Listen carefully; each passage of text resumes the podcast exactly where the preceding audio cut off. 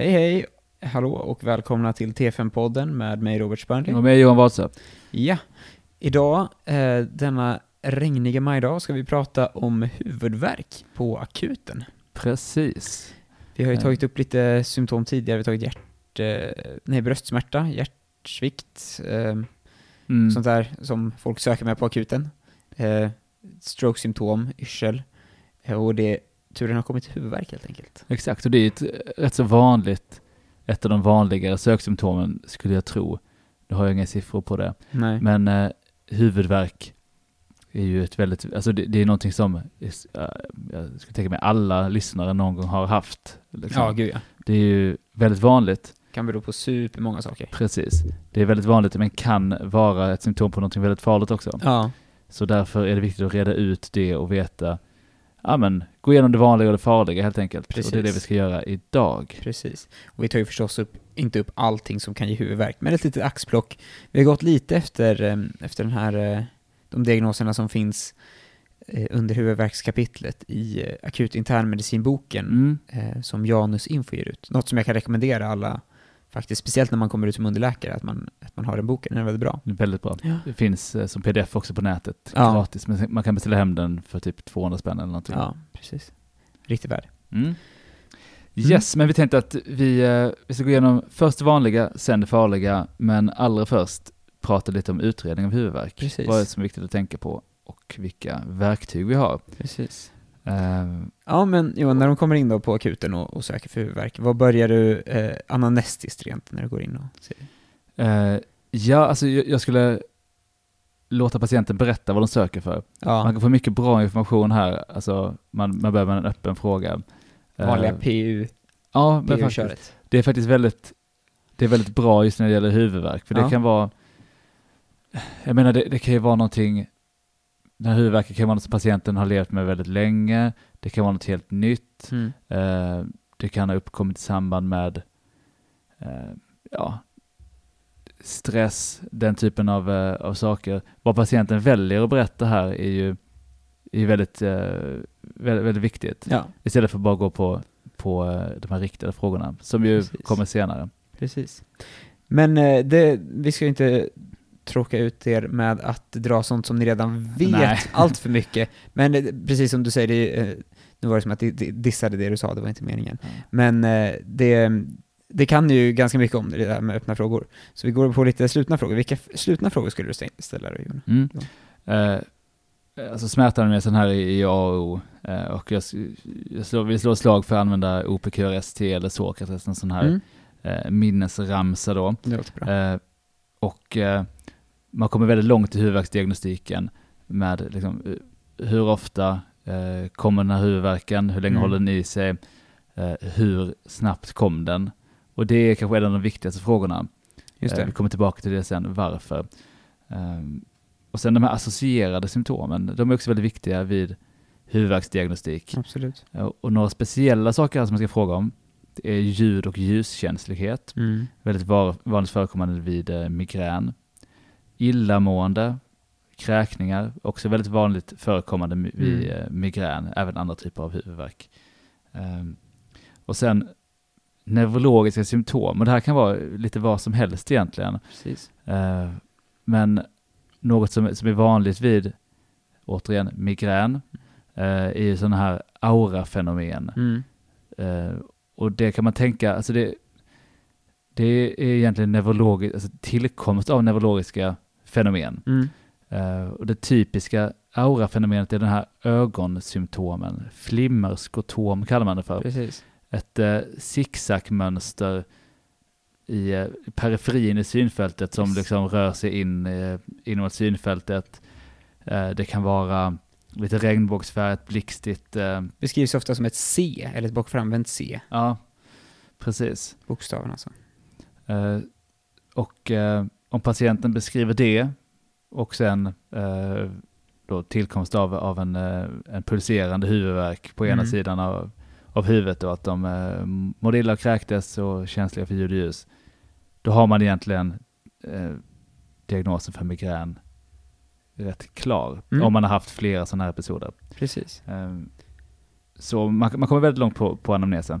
Ehm, neurologiska symptom kan vara luriga här.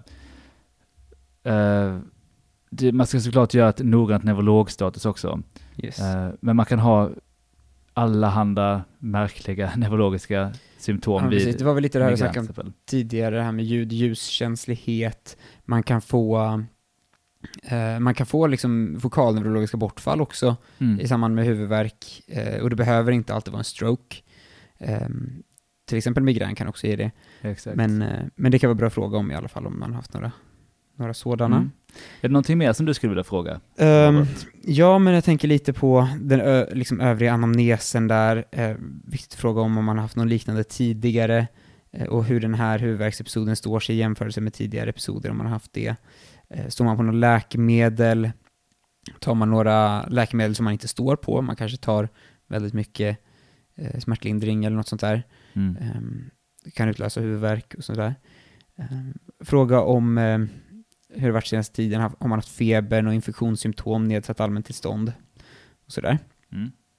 Så, och så, om man haft, har någon, några andra sjukdomar förstås, som kan spela in här. Precis. Och vad gäller så här bakgrundsinformation så är det bra att fråga om ärftlighet. Eh, för eh, vissa av de här eh, huvudvärkssjukdomarna så att säga är ärftliga. Mm. Just det, Mm. ska man inte glömma. Precis. Yes, och vi går över till status då. Precis som Johan sa så är ju neurologisk status viktigt. Ehm, gör du det på alla huvudvärkspatienter Johan? Eh, ja, det, det gör jag. Ja, eller det är sanning med modifikation. Om någon kommer in eh, på akuten för att ja, men, de har en känd migrän, de beskriver att ja, jag har ett migränanfall, det är jättejobbigt. Mm. Eh, och eh, liksom, de har en, en, en migrändiagnos i Cosmic, de har haft liknande, exakt samma. Mm, det Eh, är det liksom. Det är det, Mm. man vet. De kommer endast in för symptomlindring egentligen Mm. då, då gör jag inte fullständigt neurologstatus. Men om det är någonting som, som avviker från den vanliga sjukdomsbilden som de patienten beskriver, eh, eller att jag liksom skulle märka att den här patienten är mer påverkad än jag kan förvänta mig, Mm. då, då skulle jag absolut göra det. Ja, jag gör nog det på alla patienter också. Eh, förstås vanlig status är ju bra att göra. Liksom. Mm. Eh, lyssna på hjärta, lyssna på lungor, känna på buken. Eh, kika, man kan ju, beroende på hur, eh, hur anamnesen såg ut så kan man ju alltid leta efter infektionstecken, kika mun och svalg, eh, palpera lymfkörtlar. Finns det någon misstanke om malignitet så, så är det bra att palpera lymfkörtlarna och sådär. Mm. Ehm, har man misstanke om eh, allvarlig infektion, alltså typ meningit eller något sånt där, kan man leta efter petekier på underbenen eller på extremiteterna. Mm. Ehm, och eh, förstås allmäntillståndet är viktigt. Liksom, hur pass påverkad är den här patienten av sin huvudvärk? Ligger de och blundar och, och vill bara ligga still och, och går knappt att liksom göra något med dem för att de är så himla påverkade? Då liksom, då blir man lite, drar man öronen åt sig lite grann liksom. Men om Mm. de är till synes opåverkade, men uppger att de ändå har liksom, kraftig huvudvärk och sådär, då kan man, ja. Men man, ofta kan man se de som har väldigt, väldigt ont i huvudet, de agerar också på ett sånt sätt att Ja. de har väldigt ont. Det stämmer ju inte för alla patienter naturligtvis, Nej. men mm. Precis. bra Eh. att akt, att, aktivt bedöma allmäntillståndet helt enkelt. Ja. försöker. Eh, och sen en till sak som eh, jag gör på, kanske inte alla, men de allra flesta ändå som söker med huvudvärk, är att palpera igenom muskulaturen Ja, eh, i, i ansiktet, kring huvudet, alltså tinningarna, tuggmuskulaturen eh, och ner i nacken, mm. eh, occipitalt, liksom fästet för, för nackrosetten och ner i axlarna. Skalpen. Skalpen Ja, också, precis. Och vi kommer lite in på det, på varför vi gör det sen, Mm. Mm. exakt. Ja. Eh, yes, men om vi känner att ah, vi har inte fått en diagnos genom anamnes status enbart, Nej. hur kan vi gå vidare då? Ja, då kan man ju gå vidare med en mängd olika undersökningar och då har vi ju bland annat liksom, ja men röntgenundersökningar förstås, ehm, som är väl eh, ganska ofta eh, man, man ganska ofta gör, upplever jag, på, på akuten. Det kanske inte alltid är superindicerat, man kanske har låg misstanke, men det händer ju väldigt ofta att, att det görs, att man ringer och frågar Mm. Kanske neurojouren, kanske bakjouren, och de är så här, ja men vi gör en CT-hjärna. bara, bara för att, lite Mm. grann. Huruvida det är rätt eller inte går jag inte in på här, men, men, men det görs ju väldigt ofta CT-hjärna. Absolut. Och det, ofta så, så görs det lite grann, ja, men, som sagt på slentrian, man letar kanske efter så här, det är en huvudvärk, det finns inga jättetydliga neurologiska eh, bortfall eller tillkomst av något statusfynd. Men man gör ändå en DT-hjärna för att kolla om det finns någon, någon typ tumör eller så, finns det en expansivitet. Och Mm. en vanlig DT-hjärna är ganska dålig på att upptäcka tumörer, det upptäcker egentligen bara stora rackare som, Mm. som liksom orsakar ehm, påverkan på ventriklarna eller medellinjeförskjutning och sånt där. Ehm, så, så det är ett ganska trubbigt instrument egentligen. Ja, precis. Eh, och jag menar, det här är ju över T5-nivå och så, men eh, alltså indikationerna precis för, för när man bör eh, göra radiologi eller inte. Eh, med två saker om radiologi. Det första är att man ska inte göra det bara för att, eftersom, Nej. eftersom eh, strålning framförallt av hjärnan hos, vilket här ofta är yngre personer, det är förenat med faktiskt en risk för att skapa cancer. Mm, Så man måste ändå tänka efter lite, diskutera med någon som är mer erfaren och inte liksom absolut. ut, alltså på helt lösa boliner eh, stråla alla som kommer in på akuten. Vad kallar du lösa? Lösa boliner, Aldrig hört talas om. ja, det är väl sådär att man bara Ja, gör det Precis. eh, utan Men- eh, ogrundat. precis. Det var lite det, det jag menade. Ganska ofta när man diskuterar med någon mer erfaren så är det ganska ofta de säger att man ska göra det. Mm, och så står man där och man bara, fast... Ja, Ja. ja, Men det kan också vara så att då har de eh, träffat de här patienterna som Ja. kommer in och det, är, precis. det verkar liksom inte vara någonting, men sen så visar det sig att det var någonting. Ja, precis. Och då, då förstår jag verkligen att man hellre gör Mm. en DT för mycket än en gång för Mm. lite. Och det är också väldigt svårt att säga om den här patienten sen eh, 30 år senare utvecklar en, en, tumör, en hjärntumör liksom. Om det var på grund av den här strålningsdosen den fick Ja, precis. då liksom. precis. Eh, men eh, en sak om det, det, det var en studie här, jag minns inte exakt siffrorna, men det var, det var patienter som, som då sökte med, de hade typiska migränsymptom, vi Mm. kommer in på det mer sen, Mm. inga neurologiska bortfall och ingenting avvikande status. Mm. Eh, och då hade man väl gjort, jag minns inte exakt upplägget på studien, men det var i alla fall alltså, typ så här 0,4 procent som hade någonting patologiskt på CT, Ja. CT-hjärna. ja. Så, så eh, det var verkligen om Jättefå. det är helt typiskt och ingenting avvikande i neurostatus, eh, då behöver man sannolikt inte göra eh, någon radiologi. Nej, precis. Men i början när man kommer ut som underläkare, stäm av liksom. Precis. Och en, den andra saken, det här blir väldigt lång eh, första sak, men andra saken är, man kan tänka på huvudvärk om det är eh, the first or the worst, alltså första gången man får en, en ny sorts huvudvärk, eller den värsta huvudvärken någonsin. Alltså man en har bra känd huvudvärk men Mm. den har blivit liksom, den har hållit i sig mycket längre än den brukar, eller den, den är mycket värre än den, var, eh, den brukar vara. First or worst. Det var bra minnesregel. Mm, ska jag komma ihåg. Ja, men det var CT-hjärna i alla fall. Mm. Eh, MR-hjärna gör man ju också ibland. Ehm, inte så lätt att få till akut, finns inte på alla sjukhus. Nej. Men, eh, men oftast så kanske man går vidare med det om man har hittat någonting avvikande på en initial CT. Liksom. Exakt. Ehm, alternativt om man har eh, goda skäl att, att göra en. Mm. Till exempel det kan vara någon typ av, eh, att man letar efter något som inte syns på en CT eller något sånt. Precis. Ehm, Ja, vad har vi mer då? Ja, vi har lumbalpunktionen som eh, är eh, liksom neurologernas och eh, infektionsläkarnas undersökning kan man väl säga nästan. I många fall i alla fall. Mm. Ehm, och det, det är kanske lite nytt på T5. Många kanske har hört talas om det men vet inte riktigt exakt vad det är. Men det är alltså att man, eh, man vill komma åt och analysera cerebrospinalvätska. Och eh, för att få ut det så måste man ju gå igenom hjärnhinnorna och komma in till liksom där cerebrospinalvätskan finns. Så då sticker man en nål rakt in i hjärnan då? Exakt. Nej, det gör man ju förstås Nej. inte. Ehm, utan man sticker i eh, ryggmärgskanalen där ryggmärgen har slutat, eh, alltså i typ L3, L4 nivå någonstans. Ehm, man brukar utgå från spina iliaca som riktmärke och, och gå liksom ja, eh, medialt in då mot, mot ryggraden och sen sticka eh, mellan två stycken spinalutskott då. Eh, Exakt. naven till. Och det gör man under eh, halvsterila förhållanden kan man väl säga. Eh, det heter något. Eh, inte sterila, men rena förhållanden. Ja, jag brukar göra det under sterila förhållanden faktiskt. Det blir ju inte sterilt för du har inte sådana, um, det, har inte, det är inte helt sterilt. Ja, liksom. ja, ja, sterilt tvätta, sätta på hårdduk, ha sterila handskar och sterilt Mm. material. Ja. Jo, Eh, Men man behöver inte göra det under helt sterila, aseptiska förhållanden. eh, Aseptiska. tror jag kanske det. ja. Eller rena, jag vet inte. Hur som helst. Det här, det här är inte så intressant att lyssna på, Nej, in- nej. inser jag nu.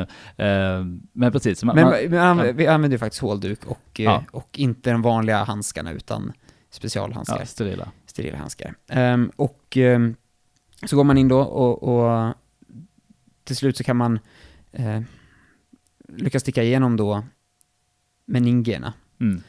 alltså hjärnhinnorna, och eh, få eh, svar med cer- cerebrospinal vätska som läcker ut. Mm. Och den här kan man analysera då och se vissa tecken till sjukdom. Det kan vara antingen en förhöjd proteinkvot, eller det kan vara tecken på infektion, man kan se tecken till bakterier, eh, man kan se blod Mm. och en del andra saker som man kan analysera.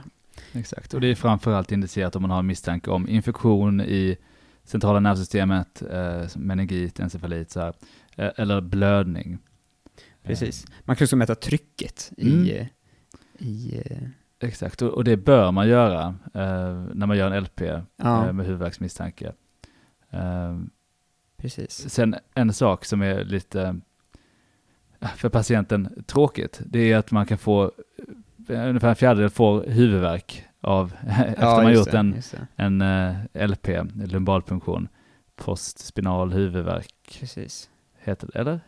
Ja, Post, ja. jag tror det. Eh, eller ja, Post-LP. Post-LP-huvudvärk. Ja, alltså jättesvår huvudvärk Ja. eh, på grund av tryckförhållandena. Precis. Eh, så det bör man informera om, annars kommer patienten komma tillbaka igen. Och Ja, just det. så.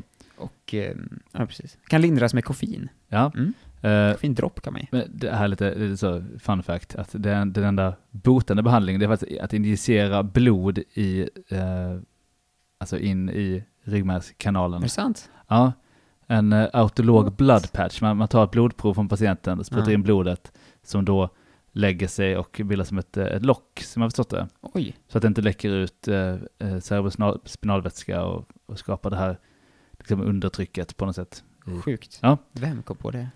Ja, det måste varit något riktigt Galen. galen. Ja. Ja. ja, men man kan i alla fall eh, mäta trycket där också. ja. Yes. Eh, Om vi frångår undersökningar, det finns ju förstås vanliga blodprov och så vidare som man kan kolla efter infektionstecken och så vidare. precis. Men uh, man kan ju säga att det är egentligen bara om man har misstanke om eh, eller vi, vi håller det lite. Mm. För att jag tänkte, vi kan ju reda ut vilka typer av huvudvärk det finns. Ja. Och man kan kort säga att det finns primär och sekundär huvudvärk. Mm. Alltså primär huvudvärk, det är en sjukdom som består i att man har huvudvärk Mm. i stort sett. Mm. Eh, sekundär huvudvärk, det är liksom huvudvärk som symptom på något annat. Mm. Och det är en viktig eh, distinktion ändå. Mm. Ehm, det finns ju eh, alltså en, såklart en organisation som heter International Headache Society som, eh, Ja. som då har världens längsta lista på alla typer av huvudvärk Ja. som finns. Ja. Ehm, det är väl kanske inte rekommenderat att försöka lära sig det utan till. Nej. Väldigt men precis. Eh, en viktig sak med, med de primära huvudvärken är det är att de är godartade. De är alltså Mm. inte farliga. De är, kan ju vara extremt besvärande såklart. Mm. Det vet alla som har haft migrän. Ehm, det ska också vara något återkommande. Men det orsakas inte av en underliggande sjukdom.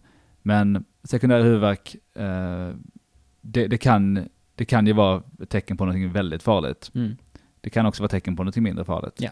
Ja, men det, det kräver eh, utredning. Precis, det är liksom en annan sjukdom som orsakar någonting utöver huvudvärken också kanske. Mm. Så det, det är egentligen den, den eh, här, första frågan vi måste ställa oss när vi Mm. träffar en patient på akuten. Är det här en primär eller sekundär huvudvärk? Mm. Är det här någonting godartat? Eh, eller är det här någonting potentiellt farligt? Mm.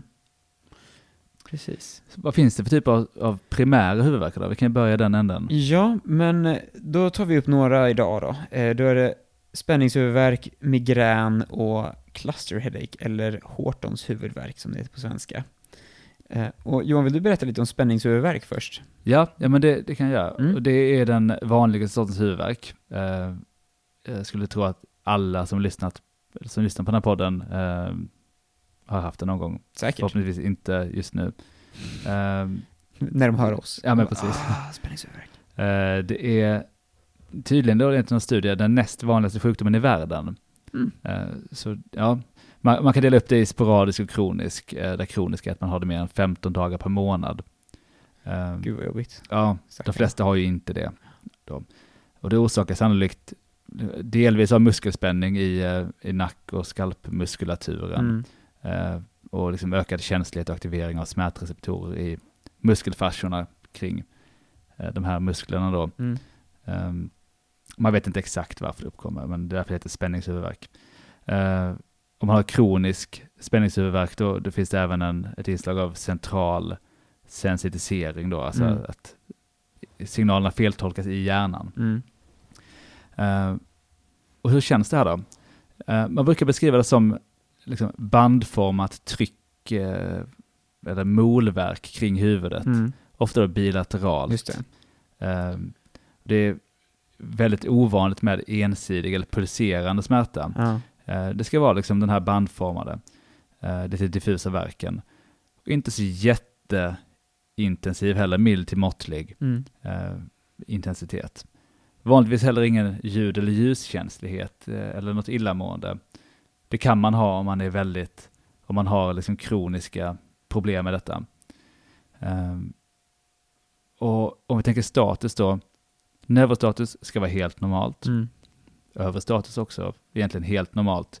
Det man kan se, eller det man ofta ser, är egentligen då ömhet och spänning över just muskulaturen kring huvud och hals egentligen. Så därför känner jag alltid igenom, palperar igenom ordentligt. Eh, Mm. Mm. För att det, det, det är faktiskt viktigt för att kunna ställa den här diagnosen. Eh, Men i övrigt ingen utredning som, som ska visa någonting. CT är helt normalt, labbprov är helt normalt. Ja.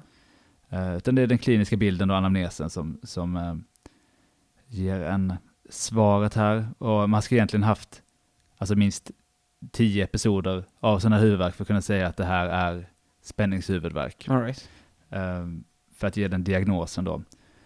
Och den här huvudvärken kan sitta i liksom mellan en halvtimme upp till en vecka egentligen, mer eller mindre konstant. Mm. Eh, och den ska vara bilateral och den här pressande, icke-pulserande.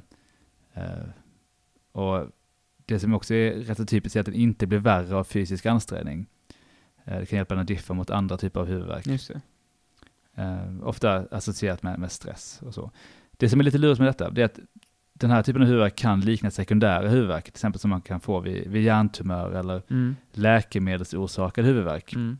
Vilket faktiskt är en, en entitet för sig. Man kan få huvudvärk av att överkonsumera smärtstillande, vilket är Ironiskt lite. Ja. banalt, eller banal, paradoxalt menar jag. Paradoxalt. Ehm, och eh, ofta så, jag menar, det, per definition så är det här rätt så, inte jätte eh, dramatisk huvudvärk. Nej. Så det borde ju inte leda patienten till att söka till akuten. Nej. Söker någon och liksom beskriver den här typen av huvudvärk, då börjar man ju tänka, kan det här vara en sekundär huvudvärk? Ja. För varför, varför, alltså antingen då att man har alltså kroniska besvär med detta och, och kanske något underliggande, alltså ångest och, och jättemycket stress som gör att man har eh, försämrad eh, förmåga att liksom hantera den här, den här verken, eller då Mm. att det faktiskt är ett symptom på något annat. Så tänk, tänker för innan det bara, ah, det här är spänneshuvudvärk. Just det. Man ska ha ganska mycket kött på benen innan man... Innan Ja. man eh, Och man behöver utesluta andra Ja. saker också. ja. Eh, men för det här är mer vanligt på, alltså i primärvården kanske, att man träffar någon som, som har. Ganska många ändå som jag tycker får diagnosen på akuten, spänningshuvudvärk alltså, och eh, Mm. får gå hem liksom. Precis, så jag, jag, har, jag har träffat patienter som, som, som kommit in till akuten Mm. efter att man på vårdcentralen först avfärdades som spänningshuvudvärk, men sen Mm. faktiskt gjorde en CT och hittade hjärntumörer. Ja. Eh, I och för sig i patienter med, eh, med liksom tidigare malignitet, alltså nyligen Mm, mm. malignitet. Så det, det är inte vem som helst som man Nej. kanske ska misstänka att de har hjärntumör. Men, Nej. men så här, eh, just det. Ja, Ja, kort behandling bara. Receptfria smärtstillande, inte för mycket, inte för länge. Nej, Eh, och eh, fysioterapi om man har muskelspänningar. just det. Mm. Just det. Bra. Ja, ska vi prata lite om migrän då? Ja. Eller hade du något mer att säga om eh, spänningshuvudvärk? Nej, Nej. egentligen inte. Nej. Eh, en sak, en Mm. sak. Kolla i munnen. Eh, kolla i munnen och se om, det, om tandytorna är nedslipade, eh, om man har bettmärken eh, på insidan av eh, kinderna. För det kan vara tecken på att man har eh, Gnissla tänder. gnisslat tänder, Mm. pressat tänder under nätterna. Och då kan man be patienten söka sin, sin tandläkare helt enkelt. Det. För det är av någon anledning helt avskilt från övriga Ja, sjukvårdssystemet. just det. Just det. Tusan om jag skulle kunna bedöma en nedslipad tand alltså. Ja, men om, jag vet Det inte. ska vara, det ska vara väldigt nedslipat så ja, tror jag. ja, ja. Ja. Yes, men migrän i alla fall. Japp. Eh, det har ju en sjukdom med väldigt många ansikten, eller man ska säga, väldigt många yttringar, tycker jag. Det typiska, eh, det är att du har, eh, om vi tar migrän med aura då, det är att du har en, en, en aura som eh, ofta kan vara eh, synfenomen, som eh, det här flimmerskotomet som vi diskuterade tidigare, att du har som en blixtrande mönster ute i periferin av synen. Och det här följs ett, efter en timme eller något sånt av eh, huvudvärk. Ensidig huvudvärk, eh, pulserande, bultande huvudvärk. Kan sitta i, i upp till någon timme fram, och sen ända upp till 72 timmar. Eh, huvudvärken har associerade symptom i form av eh, illamående, kräkningar, man kan vara ljud och ljuskänslig. Ehm, och, eh, det, men det här är ju den typiska, typiska bilden. Och det ska då inte sitta i längre än 72 timmar helst. Ehm, utan då får man misstänka något annat. Yes, den här auran som, som du beskrev Robert, Mm. den här, de här synfenomenen, Mm. det, det är den vanligaste typen av, av aura, men man kan ha massa andra märkliga aurafenomen. Mm. Och det näst vanligaste är eh, som parestesier, liksom pirrningar som kan efterföljas av domningar faktiskt. Eh, och det kan vara lite lurigt, någon söker med domningar i en arm som har gått över. Där där kan man tänka tia också. Eh, och vad man kan eh, vad man kan fråga då är liksom hur det här tedde sig. För eh, vid migrän då har man ofta, eh, eller vid migränaura kan man ha eh, pirrningar som liksom rör sig, de migrerar. Kan man Mm. börja i handen och sen så Sprider de sakta sig sprider sig upp. Mm. upp längs, längs armen eller att det börjar en del av ansiktet och sprider sig till en annan del. Ehm, och sen så föl, återföljs, återföljs, efterföljs eh, de här pirrningarna av avdomning. Mm. Och det är typiskt för migrän, men det är inte typiskt för ischemi. Ja, då är det ett, ett avgränsat område Precis. Eh, hela tiden liksom. Det migrerar. exakt. Alltså i kemi, det ska vara typiskt, alltså rätt så plötslig debut. Eh, och det är liksom ett, en del av hjärnan som är kemisk. Det här, om vi har en propp på ett ställe, det är inte så att den, att den flyttar runt och ger kemi på olika ställen. Mm. Men eh, vid migrän, vi kanske kommer in på patofysiologin lite, eh, det är en annan orsak till, till den här retningen i hjärnan. Mm. Så kom ihåg det, eh, migrerande pirrningar, det ska föra tankarna till migrän. Precis. Yes. Men Ehm, på tal om stroke och så, ja. så finns det ju en annan, eh, lite mer dramatisk variant av migränaura. ja, precis. Eh, den eh, hemiparetiska migränauran då, som, eh, som kan orsaka liksom, motoriska bortfall, precis som vid en stroke. Mm. Eh, så det kan bli som en diagnos till stroke. Man har det, men det, det är superovanligt. Um, yes. Eh, något jag tänkte ta upp också det är att, att man kan ha prodromalsymptom eh, innan man får vare sig auran eller huvudvärken. Och eh, det kan man ha liksom någon dag, några dagar innan och det kan vara att man är extra irritabel, man kan eh, känna sig lite deppig, lite nere. Eh, man kan också bli euforisk å andra sidan eh, och kanske ha ökat matsug. Och det finns vissa saker som också kan utlösa migrän. För vissa är det så att det utlöses av speciella stimuli. Och eh, det kan vara stress, eller mens, eller att man har ansträngt sig. Eh, Men för vissa är det oturligt nog så här, att man har ätit lite eh, så speciella grejer. Och oturligt nog är det ofta typ choklad, vin, ost, så Ja. the good stuff liksom. Så himla deppigt. Ja, verkligen. Så här, som att man är allergisk mot det nästan. Mm. Ehm, precis, så det finns lite ut- utlösande stimuli.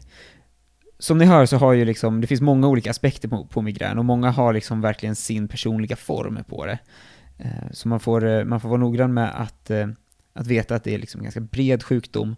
Men, men i typfallet då så kan man väl säga så här, att man har den här auran som följs av huvudvärken. Ja, Ehm, men det finns förstås med och utan aura och så vidare. exakt. Det beror, tänker man sig, alltså på att, eh, att det är blodkärl i hjärnan som vidgas Mm. eh, på vissa ställen som orsakar den här huvudvärken. Så det, och det är, eh, jag tror inte det är helt 100% fastställt, men det är den teorin man har av vad som orsakar migrän i alla fall. Mm. Man får eh, någon sorts dilatation av blodkärl i hjärnan. Precis, jag- tror det är därför vissa födoämnen som innehåller typ eh, eh, det är ändå så här, alltså eh, det? vasodilaterande substanser, eller? Ja, alltså sån här prekursor till serotonin eller något Ja, sånt. ah, just det. Eh. så, nej, är det inte så här eh, MAO-oxidas, MAO-hämmare? Ja, det kanske det där. kan vara också. Nu spekulerar vi vilt här Ja. borta. Mm. Eh, det är någonting med någonting HT som jag, Ja, ja, 580. ja, något i den stilen. Ja. Ja, i vilket fall. Det är tråkigt om man mår dåligt av att äta choklad, ja, tänker jag. exakt. Ja, men behandlingen i alla fall för migrän, vanliga fall NSAID. Eh, man kan lägga till Primperan om man är illamående. I vissa fall kan man eh, ge små mängder diazepam eller någon eh, bensodiazepin. Ehm, och funkar inte liksom den här initiala behandlingen kan man testa med triptaner, sumatriptan är det vanligaste man behandlar med. På akuten kan man ge det här som subkutan injektion, det finns också som nässpray, och jag tror det finns som tabletter också. Mm. Ehm, och eh, jag läste någonstans att man kan ha metoprolol som profylaxbehandling mot, uh, mot migränanfall också. Mm. Eh, det har jag aldrig sett tror jag på, hos en patient, men det är möjligt att det funkar.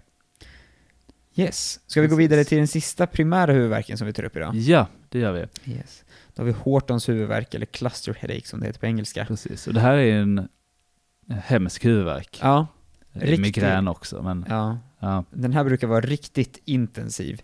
Eh, sådär, den är lokaliserad till ena sidan av huvudet, eh, ofta bakom ögat. Det finns bilder, kommer jag ihåg i läroboken, finns det bilder av en, en, en tecknad person som sliter liksom i sitt öga, en riktigt obehaglig bild. Mm. Eh, det är sån här eh, verkligen intensiv, intensiv huvudvärk.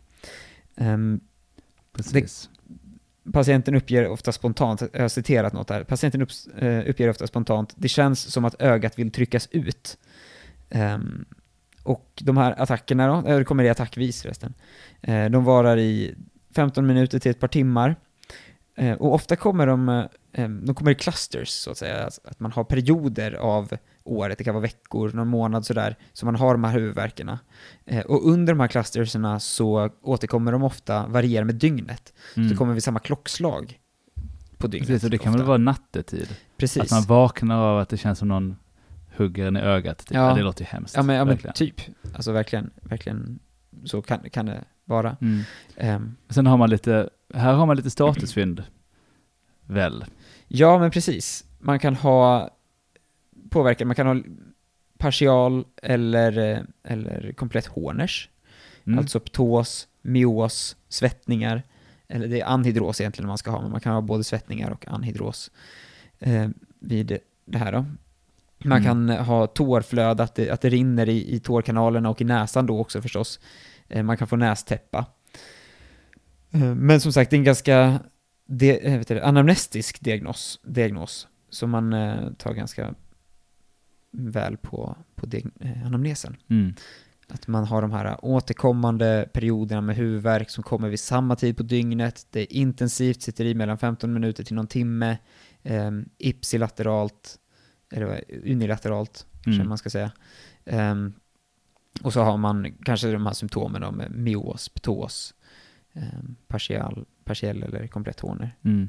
Och medan en migränpatient helst vill ligga still liksom i ett mörkt rum eh, under täcket och inte röra sig, eh, så en patient med eh, Hortons huvudvärk kommer typ alltså röra sig runt i rummet och liksom vanka av och an och, och, och inte kunna få någon ro alls Mm, mm. på grund av den här svåra, svåra huvudvärken. Precis. Så det är ett sätt att differentiera lite däremellan. Precis. Och eh, behandlingen då? Det är den klin, man ställer diagnosen kliniskt. Behandlingen, det är i alltså, det akuta skedet, om de har en eh, pågående huvudvärk, kan man ge syrgas, 12-15 liter, så ganska höga flöden, Mm, mm, eh, i en kvart. Man kan ge sumatriptan subkutant, precis som vid eh, migrän, eller nasalt. mm. Och jag eh, har haft, eh, jag har haft en patient som hade Horner, men, eh, nej inte Horner vad jag säger, Hortons huvudvärk. Mm. Men hon var helt eh, asymptomatisk när hon var på akuten förstås, hon hade inte det just just då. Men här, Mm. hon hade verkligen en typisk diagnos. Så ringde jag Mm. och pratade med neurojouren och vi liksom ställde diagnosen då kliniskt. Så. Mm. Jag har också haft en sån patient på avdelning ehm, där man av någon anledning inte hade ordinerat syrgas. Okej. Men eh, jag gjorde det och det funkade faktiskt Alltså bra. patienten hade huvudvärk där och då? Ja, eller nej, det var så här. Så här var det nog, att det var en patient som låg inne på ADA. Mm. Eh, hade kommit in med den här svåra, svåra huvudvärken. Mm. Eh, och eh, man hade misstänkt, eller liksom velat utsätta subarachnoidal blödning, som vi kommer prata om i nästa avsnitt. Ja. Eh, för han hade den här svåra, svåra huvudvärken. Right. Men jag hade gjort en LP som friade honom från det. Eh, och sen så, så frågade jag lite, lite noggrannare och det visade sig att det här ändå kom lite attackvis, Mm. den här huvudvärken. Och han, han, han fick tillbaka den när jag var där och han hade liksom verkligen så, så här, grät ur ena ögat och Mm. var liksom ja, alldeles röd i ögat. Mm. Eh, då prövade vi att så att säga, smacka på 15 liter syrgas, Ja. eller vad det nu jättemycket syrgas. Ja, och funkar det? Och det funkade Ja, intressant. faktiskt. Häftigt. Mm. Bra, men det, där sätter vi punkt för de primära huvudvärksdiagnoserna som vi ska ta upp idag. Eh, och så fortsätter vi med de eh, sekundära i nästa avsnitt. På återhörande, Ja, helt enkelt. och eh, mejla eventuella synpunkter eller frågor till tfnpodden.gmail.com. Tack och hej! yes, hej.